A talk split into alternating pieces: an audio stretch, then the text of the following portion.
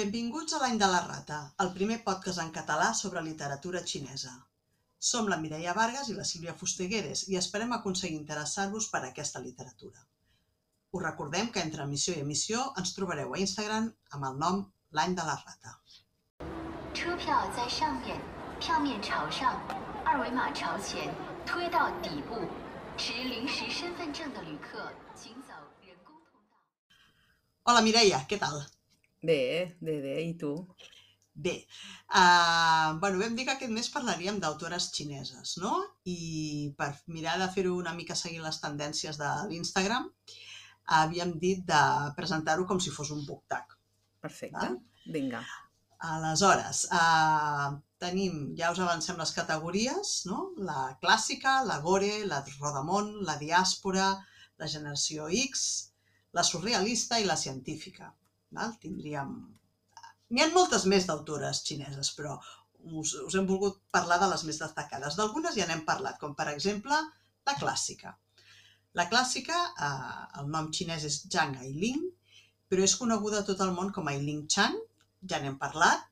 Um, té una literatura més aviat tirant a romàntica i ella era d'una família benestant i, i va acabar marxant cap als Estats Units, d'aquí el nom Eileen Chan, Chang, i seria la, la més clàssica de totes les autores xineses, no? Sí, de les que ens estan arribant traduïdes, jo crec que sí, que és aquest estil més clàssic del Shanghai, de principis de segle, també les coses que explica, no?, la vida en aquesta les capes altes de la societat. Ja en vam parlar l'episodi de l'estiu, o sigui, tampoc no, no, ens entre, no ens entretenim massa amb ella avui. No, no cal. Després tindríem la Gore. Si heu llegit el llibre Matar el marit, sabreu que hi ha una autora que es diu Liang, que en la seva novel·la no, et fa sentir realment molt a prop de tot el que passa, és com molt, uh, molt viu, molt fílmic, no? Tu, què? Tu, tu la coneixes bé, perquè tu l'has Sí. traduït. Què en destacaries? Sí, sí, um, bueno, que jo anava buscant um, sinònims, no?, per, per el sortir sang, rejar la sang, brollar la sang, vull dir que això estava a l'ordre del dia mentre feia aquesta traducció, uh, anar mirant noms de, de ganivets per fer-ho bé, vull dir que és així. Um, el que passa que ara, quan estàvem parlant, dic, ostres, em sap greu que ja li hem penjat l'etiqueta de la Gore i només hem llegit Matar el marit i el conte aquell de nines amb corbes i potser ens falta Sí. una mica més de llegir Liang. De moment són les úniques, uh, els únics relats que tenim traduïts d'ella i ara, per exemple, a França estan promovent un, un, una nova traducció, l'afrodisic, o no sé com es diu, le banquet afrodisic o alguna cosa així, i, i bueno, potser és una visió diferent, no? I ja aquesta etiqueta l'hauríem de matisar. Però si ens basem pel que tenim, és la Gore, totalment. Jo la Sí, la- comparo amb el Tarantino. Sí, sí, sí. L'haurem de reavaluar, com si diguéssim. Sí. Després tindríem la Rodamont. També n'hem parlat en capítols anteriors. Es diu San Mao, és una uh, autora taiwanesa que va marxar del seu país i que, de fet, va escriure des de, diguéssim, sempre des de fora. Sigui, el que escriu no és sobre la Xina, sinó sobre la visió del món a través dels seus ulls, que és doncs, de, de Taiwan. No sé, a tu t'agrada molt la San Mao? A mi m'agrada molt, sí. Vull dir, ja té com aquest estil així fresc i després i d'anar explicant aventuretes i anècdotes, a mi m'agrada. Mm. Però a veure, si busqueu un, algú que us parli molt de la Xina, doncs la San Mao, de la Xina o de Taiwan, la San Mao no és la vostra autora, per entendre'ns. Això és veritat, és veritat. I continuem parlant d'algú que està fora del país. Aquesta, li hem posat l'etiqueta, ja sabem que les etiquetes ara són complicades, eh? però bueno, l'etiqueta és la diàspora, és la Yi Yun Li, és rata i en parlarem avui, o sigui que deixarem els comentaris per d'aquí una estona. Després tindríem la generació X, i en aquí tenim dues autores, una és Shen Ke Yi, que en parlarem avui també, i tenim la Lu Min. Lu Min té un llibre que es diu Cena para seis, que és el que he llegit jo aquests dies, i de fet encara he de pair la lectura perquè no sé si m'ha agradat o no m'ha agradat, i aleshores ho he de deixar una mica fer el xup-xup abans de, de, fer, de fer la ressenya, o sigui que en el podcast no, no la tractarem. Tu has llegit el, alguna cosa de l'Alumin, no? No, no, no, diria que només té aquesta traducció al castellà, en Sí, xinès tampoc sí. no, no, no he llegit res i, bueno, m'has dit que era un llibre llarg, o sigui que Sí. Si l'agafo serà algun, algun moment que tingui bastant temps així. Vale, doncs després, la Shankai hem dit que la deixem per després, i passem a la, la surrealista, que seria la Zhang Xue. Uh, aquesta escriptora mm, té publicats en castellà una novel·la i dos llibres de relats. També en vam parlar aquí en el En vam podcast, parlar, ens vam estrenar amb ella. sí senyora, i bueno, és... La paraula surrealisme, vull dir, Sí. una barreja de, de coses com imprevisibles, tal. Us animem a que escolteu el primer capítol, era el primer, oi, dius? Sí, sí, sí. i, i en allà en parlem més detalladament. I finalment tindríem la científica. Jo encara eh, només li he llegit el, el, el relat Entre los pliegues de Pequín, que també té diversos premis, i és la Hao Jinfang, que Mm. també és rata. Avui hi ha moltes rates. Sí, I tu has llegit alguna cosa més a part d'això? No he llegit res més, però t'he traduït també Vagabundos, amb traducció directa Mm. de l'Agustina Lepuz. I, bueno, jo veuré l'Agustín el, el dilluns i tinc ganes de preguntar-li per, per aquest llibre, no? que el tinc una mica pendent per... Bueno, Mhm. té, sembla interessant. Sí, sí, sí, jo també el tinc pendent aquí al prestatge.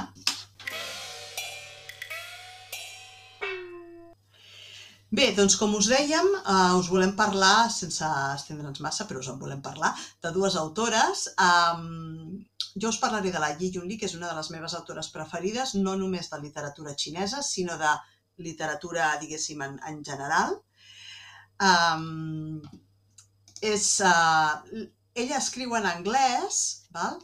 però jo la continuo considerant de literatura xinesa perquè sobretot al principi la temàtica que tocava era clarament xinesa. Val? Aleshores, podem dir que ella és nascuda al 72, és de l'any de la rata, va néixer a la Xina, va estudiar Medicina i se'n va anar a fer un màster als Estats Units i ja no va tornar. Es va quedar als Estats Units, es va adaptar totalment a la terra d'acollida, fins al punt que escriu en anglès, que ha occidentalitzat el nom, no? perquè en realitat el cognom és Li, i com potser us hem dit alguna vegada, en xinès els cognoms van al davant. Aleshores, la manera xinesa de dir-ne seria Li Yiyun, però és que ja ni em surt. He dit tantes vegades Yi Yun Li, eh? ho he adaptat. Um, té una escriptura precisa i lleugera, que no és superficial, eh, per això, i és una d'aquestes eh, té aquesta, aquesta mena d'escriure en què el contingut té més pes que la forma. Per això dic que és lleugera, perquè no, no va recarregat amb molts adjectius ni res. Pel que fa a la seva obra, va començar escrivint relats, no? les primeres coses que li vaig llegir, no? el 1000 Years of Good Prayers, que en castellà va ser Los Buenos Deseos, i Good Boy Emerald Girl, que en català el tenim com a Noi d'or, Noia Maragda. Val? No sé si tu n'has llegit algun o... Mm, ara crec que m'estic confonent, perquè d'aquests no, però a les portes del paradís no és seu, Sí. Llavors, jo he llegit Sí, és les d'ella, és portes d'ella. del, del paradís. Sí, sí, sí, sí. I aleshores, bueno, en aquests, en aquests relats, aquests relats estan molt bé perquè realment tot el que toca són aspectes de la vida quotidiana, diguéssim, en un context xinès, ja sigui a la Xina o fora de la Xina, perquè ella, clar, ja ho va escriure que ja havia marxat. I aleshores eh, parla de les relacions entre fills, temes que són molt universals, però que en cada país o en cada cultura s'enfoquen diferent, no? I aleshores, en aquest sentit, és una bona manera d'entrar en, la, en el seu món a través d'uns relats, d'unes narracions que, bueno, doncs que, que podríem ser nosaltres, no? Aleshores, aquests dos es van publicar, ja dic, en castellà i en català, i a continuació, el següent que jo li vaig llegir, i que, de fet, és el, que, el següent que es va publicar, és una novel·la, que és aquesta que comentava la Mireia. En anglès es diu The Vagrants i en català és Les portes del paradís.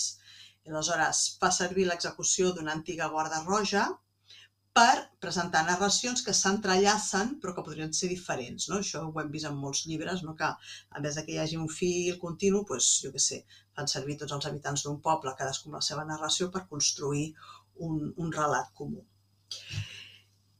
Després també hi ha un llibre que es diu Kinder Than Solitude, en què el punt de partida és l'estiu de 1989, que com sabeu va ser l'any en què va haver-hi tot el terrabastall de Tiananmen, i va de la Xina als Estats Units, el llibre aquest. Després va tenir una etapa com més personal, perquè doncs, ha tingut problemes de, de, crisis personals importants, el seu fill es va suïcidar, etc. I va escriure dos llibres com més foscos, que en realitat són no ficció o autoficció. Val? I aquests eh, jo diria que no estan traduïts al castellà o al català, o potser el segon sí, però en, la veritat és que no ho he mirat. El primer es diu Dear friend, from my life I write to you in your life. I aquí reflexiona sobre què fa que valgui la pena viure i la va escriure això durant una crisi personal que va tenir ella, que també la va portar a les portes del suïcidi. Val? I després l'altre es diu Where, Where Reasons End, que és no ficció i li serveix per recordar el seu fill que es va suïcidar. Val? Després d'aquesta etapa així, diguéssim, tan trista, tan fosca, tan, tan personal pel que fa a la seva escriptura, ha passat a, a fer llibres de, que no tracta temàtiques específicament xineses, no? I doncs, per exemple, n'hi ha una que es diu Must I Go, que el vaig deixar mitges perquè segurament no era el millor moment per mi, eh, i que va d'una senyora gran que rescata el diari d'un antic amor, no? I aleshores és tot com molt així. I en té eh, dos més, un que es diu The Book of Goose, eh, Goose, l'ànec, no? I, bueno, explicar això de, és una història d'amistat infantil explicada a posteriori i un que, mentre preparàvem el podcast, vaig veure que acabava de sortir, que estic molt contenta, que es diu Wednesday's Child, en què torna als orígens, torna als relats. No? Vull dir, em vaig flipar molt i segurament intentaré que sigui el meu Litchin d'octubre o, de, o de novembre, perquè ara a l'octubre ja estic llegint Litchin i potser m'esperaré el mes que ve, però que, que espero que em recuperi la Yi Yun Li de, de, dels, dels primers llibres que hem comentat, Los Buenos Deseos i Noi d'Or, Noi Amaranta, que són realment molt bons. Si teniu l'ocasió de llegir-vos, jo us els recomano moltíssim. Llavors tu recomanaries aquests, aquests de relats, oi? Potser per començar jo, amb ella? Sí, per començar amb ella, per mi sí. Per mi sí, són els dos més, no sé, és que fa molts anys que els vaig llegir i encara ara doncs, els recordo, ja no me'n recordo de què anaven, eh? però encara ara els recordo com amb molt carinyo. Molt bé. Bueno, mira, m'ho apunto. Sí. Doncs jo um, seré més breu perquè realment és una autora que no, no n'he llegit tant com la Sílvia, us parlo de la Shen Kai, um, que és del, del 73 i l'anomenen no, una genera... pertany a una generació d'escriptores que anomenen generació dels 80. Llavors, uh, un breu apunt sobre la seva vida perquè està una mica relacionat també amb el seu tipus d'escriptura. Uh, va viure al poble, uh, la seva infància la va passar a un poble i ella explica no, en un article que va publicar el New York Times que quan era més jove li feia vergonya admetre que venia d'un poble així remot, aquest, ens l'imaginem no, a la Xina rural, um, perquè tampoc no tenia, el, però, però que alhora tampoc no tenia el coratge de presumir que era de la ciutat. Llavors sempre deia que era dels afores. No? Quan es presentava no deia mai soc del poble, sinó soc dels afores. I ara, no? a partir de 2011 comença bueno, amb aquest article, no? admet, no? ara de confessar la veritat, vaig, vaig néixer en un poble aïllat. Um, que això és una mica el que, per exemple, jo m'he llegit durant aquest mes els Frutos Salvajes i és una mica el que t'hi trobes, no? Uh, un, una protagonista que parla de la seva família i que, a més a més, també estan en un poble, um, en un poble petit no? i antiquat. Um, ha viscut durant un temps a Shenyang, a la província de Guangdong, no? a, a Canton, i això fa que també trobem molt sovint eh, Canton a les seves, a les seves novel·les uh, i Shenzhen, no? que són dues ciutats molt grans no? i clar exemple de la urbanitat xinesa. Uh, i sovint uh, va ser considerada com membre del grup de dones escriptores de Guangdong, però ara actualment viu a, a Pequín. La seva obra tracta sobretot la Xina moderna, té una veu molt, molt crítica, no té pèls a la llengua quan ha de criticar um, coses que passen o quan ha de parlar de, de fets no, que, que, que, que han creat molta commoció al país i sovint parteix de personatges femenins o d'una mirada femenina. Com a mínim els dos que us comentaré jo han, han estat així. Té, molts, té bastants llibres, però concretament jo em vaig llegir Northern Girls, que no està traduït ni al català ni al castellà, i uh, aquest mes m'he llegit Frutos Salvajes, que aquest sí que el tenim en, en castellà. Començo per aquest, que el tinc més fresc. Frutos Salvajes, el primer que us diré és que Tenim una molt bona traducció de Miguel Sala Montoro, l'he gaudit molt, una traducció amb notes encertades, breus, que són informatives, que no et distreuen massa.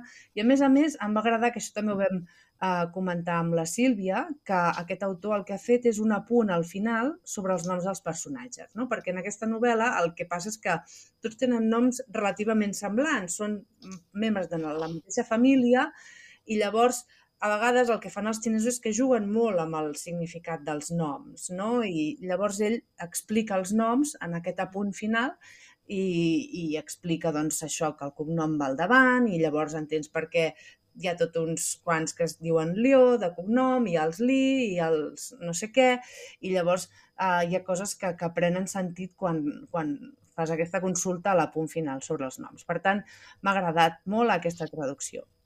I llavors, com a llibre, el que ens hi trobem és, eh, des de la perspectiva d'una dona, eh, va explicant tota la història recent de Xina. Eren quatre germans, llavors hi ha també l'avi, hi ha els pares i la família, no? Vull dir, cada personatge és com el protagonista d'un capítol, llavors es van repetint i llavors anem repassant la història recent, inclou, doncs, per exemple, episodis de la, de la revolució cultural, llavors una mica doncs, el procés d'obertura de la Xina, eh, també apareix Tiananmen i arriba doncs, fins a una història més recent dels anys 2000, fins a 2010, diria jo, que arriba perquè parla d'alguns d'alguns escàndols que hi han hagut doncs, en una història més recent també. Llavors, és interessant en aquest sentit, descriu molt bé la Xina rural, també diria jo, descriu mm, les relacions tòxiques que jo crec que hi han hagut a tot arreu, no? i és una autora que és com molt conscient no? del, del feminisme, del patriarcat, llavors jo crec que fa aquest esforç no? per descriure-ho, però sense, sense blanquejar i sense quedar-se amb, ah, és que això és normal. No, et, et remou una mica algunes coses que llegeixes. Um, I llavors, bueno, és interessant no, per com va explicant la història, que és una cosa que, a veure, no és que ho faci només ella, ja ho havíem vist molt també en autors com, com Yen Lianke o com Yu Hua, no, que també tenen, per exemple, a Vivir també no deixa de ser doncs, la història mm. d'una família que, va, que vas llegint la història de la Xina no, a través de la història de la família. Però en aquest cas, com que les protagonistes són dones i es donen com més visibilitat potser als problemes de dones o a les opressions que han viscut les dones, doncs jo crec que això és el que el, el fa ser un llibre, una proposta interessant. Sílvia, tu també l'has llegit. Què en diries? Sí.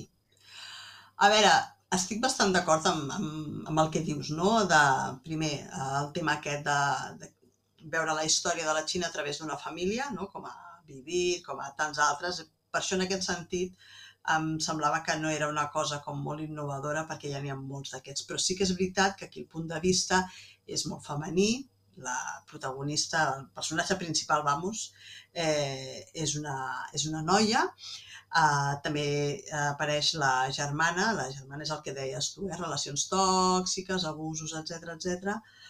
Uh, I el paper, papers masculins que també són, com, són molt manaires o sí l'avi és un personatge, vull dir, tal.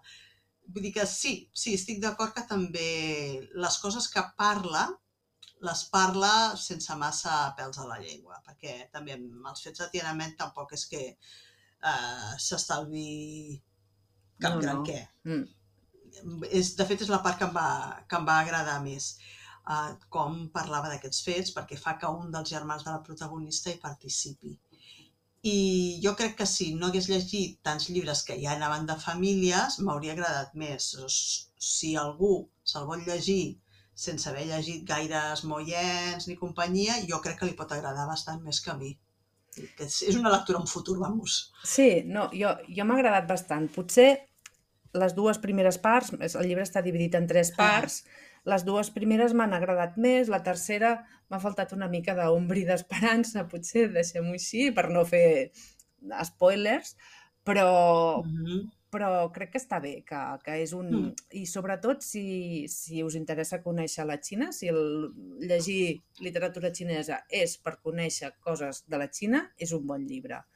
Sí. I l'altre que havia llegit d'ella, que el vaig llegir fa més temps, el Northern Girls, les noies del nord, que, mm, que va sobre noies que emigren a Shenzhen i llavors van allà doncs, tot amb els somnis de oh, anem a una ciutat eh, molt desenvolupada i trobarem feina i estarem molt bé i al final doncs, acaben fent feines que no tenen res a veure amb el que es pensaven um, i, bueno, i patint violència sexual i també, doncs, és, jo crec que és, en, en el Northern Girls encara es veu més, no?, aquesta part de, de violència i de i de- i d'opressió, no? Jo crec m'ha semblat que es veia més en Northern Girls que, que Frutos Salvajes. No sé si l'editorial s'animarà també a, a traduir-lo, però bueno, jo crec que per començar Frutos Salvajes està bé. Doncs, bueno, ja veieu, eh? avui anem per feina um, i estem a la part de notícies, efemèrides que us preparem sempre al final de, dels episodis.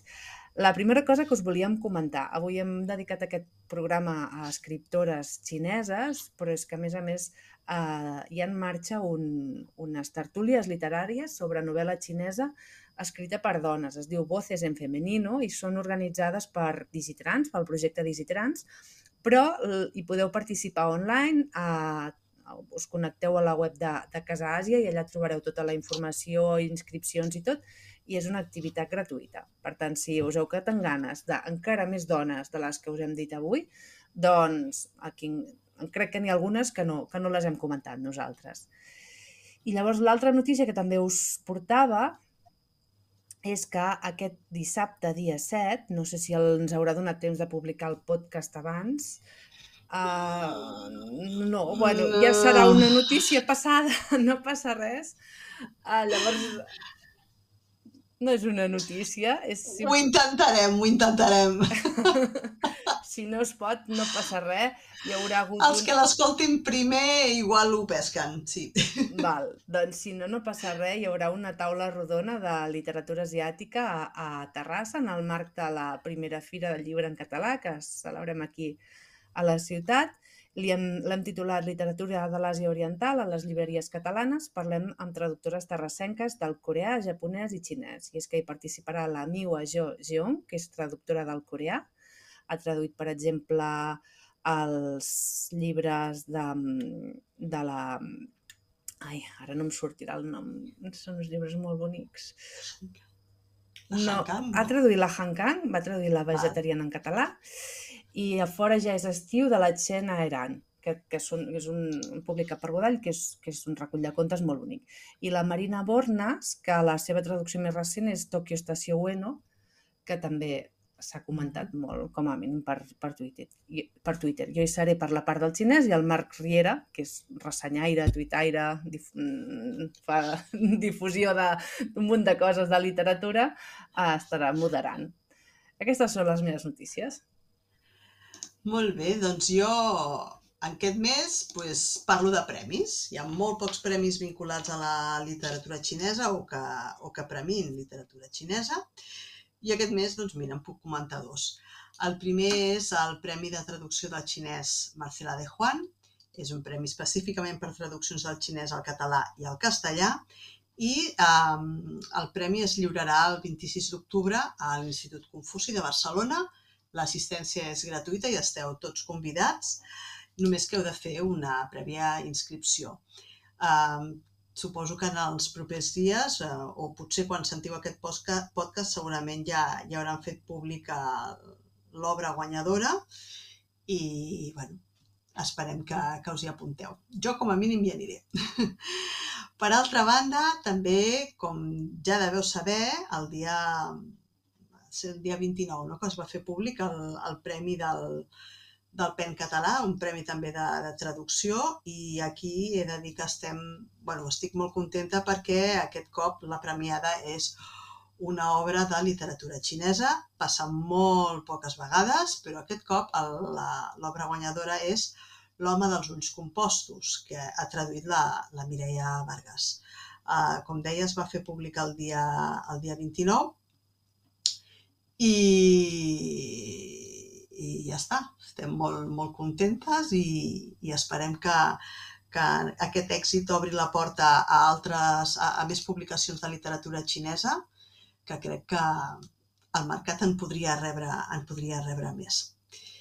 I finalment us volíem comentar que eh, estem fent una lectura conjunta d'aquestes que es fan pel Telegram l'hem organitzat a través del Reducte Català i ja són 22 persones apuntades en aquest grup per llegir tots junts L'home dels ulls compostos. Um, com us deia, és organitzada a través del Reducte Català, que és un grup de bookstagramers que parlen de literatura, sempre fent-ho en català. Uh, com a punt final, segurament anirem al Festival 42, que és l'11, sí, el cap de setmana 11. de l'11 de novembre, per veure la, la xerrada que farà Wu Mingyi, que és l'autor del, del llibre, i bueno, intentarem lligar alguna activitat de, de grup, però encara no, encara no sabem el què. Quan fem el proper podcast segurament ja podrem donar-vos més informació. Si us voleu apuntar en aquesta lectura conjunta, si plau, poseu-vos en contacte amb nosaltres o amb el perfil El Reducte Català a Instagram. I fins per part meva ja està, crec que fins aquí, sí. no? Ja, ja hem acabat. Uh, us agraïm molt la paciència, haver-nos escoltat fins aquí i esperem que ens sentiu moltes vegades més. Sí, fins al mes que ve. Adéu, Adéu fins al mes que ve. Adéu.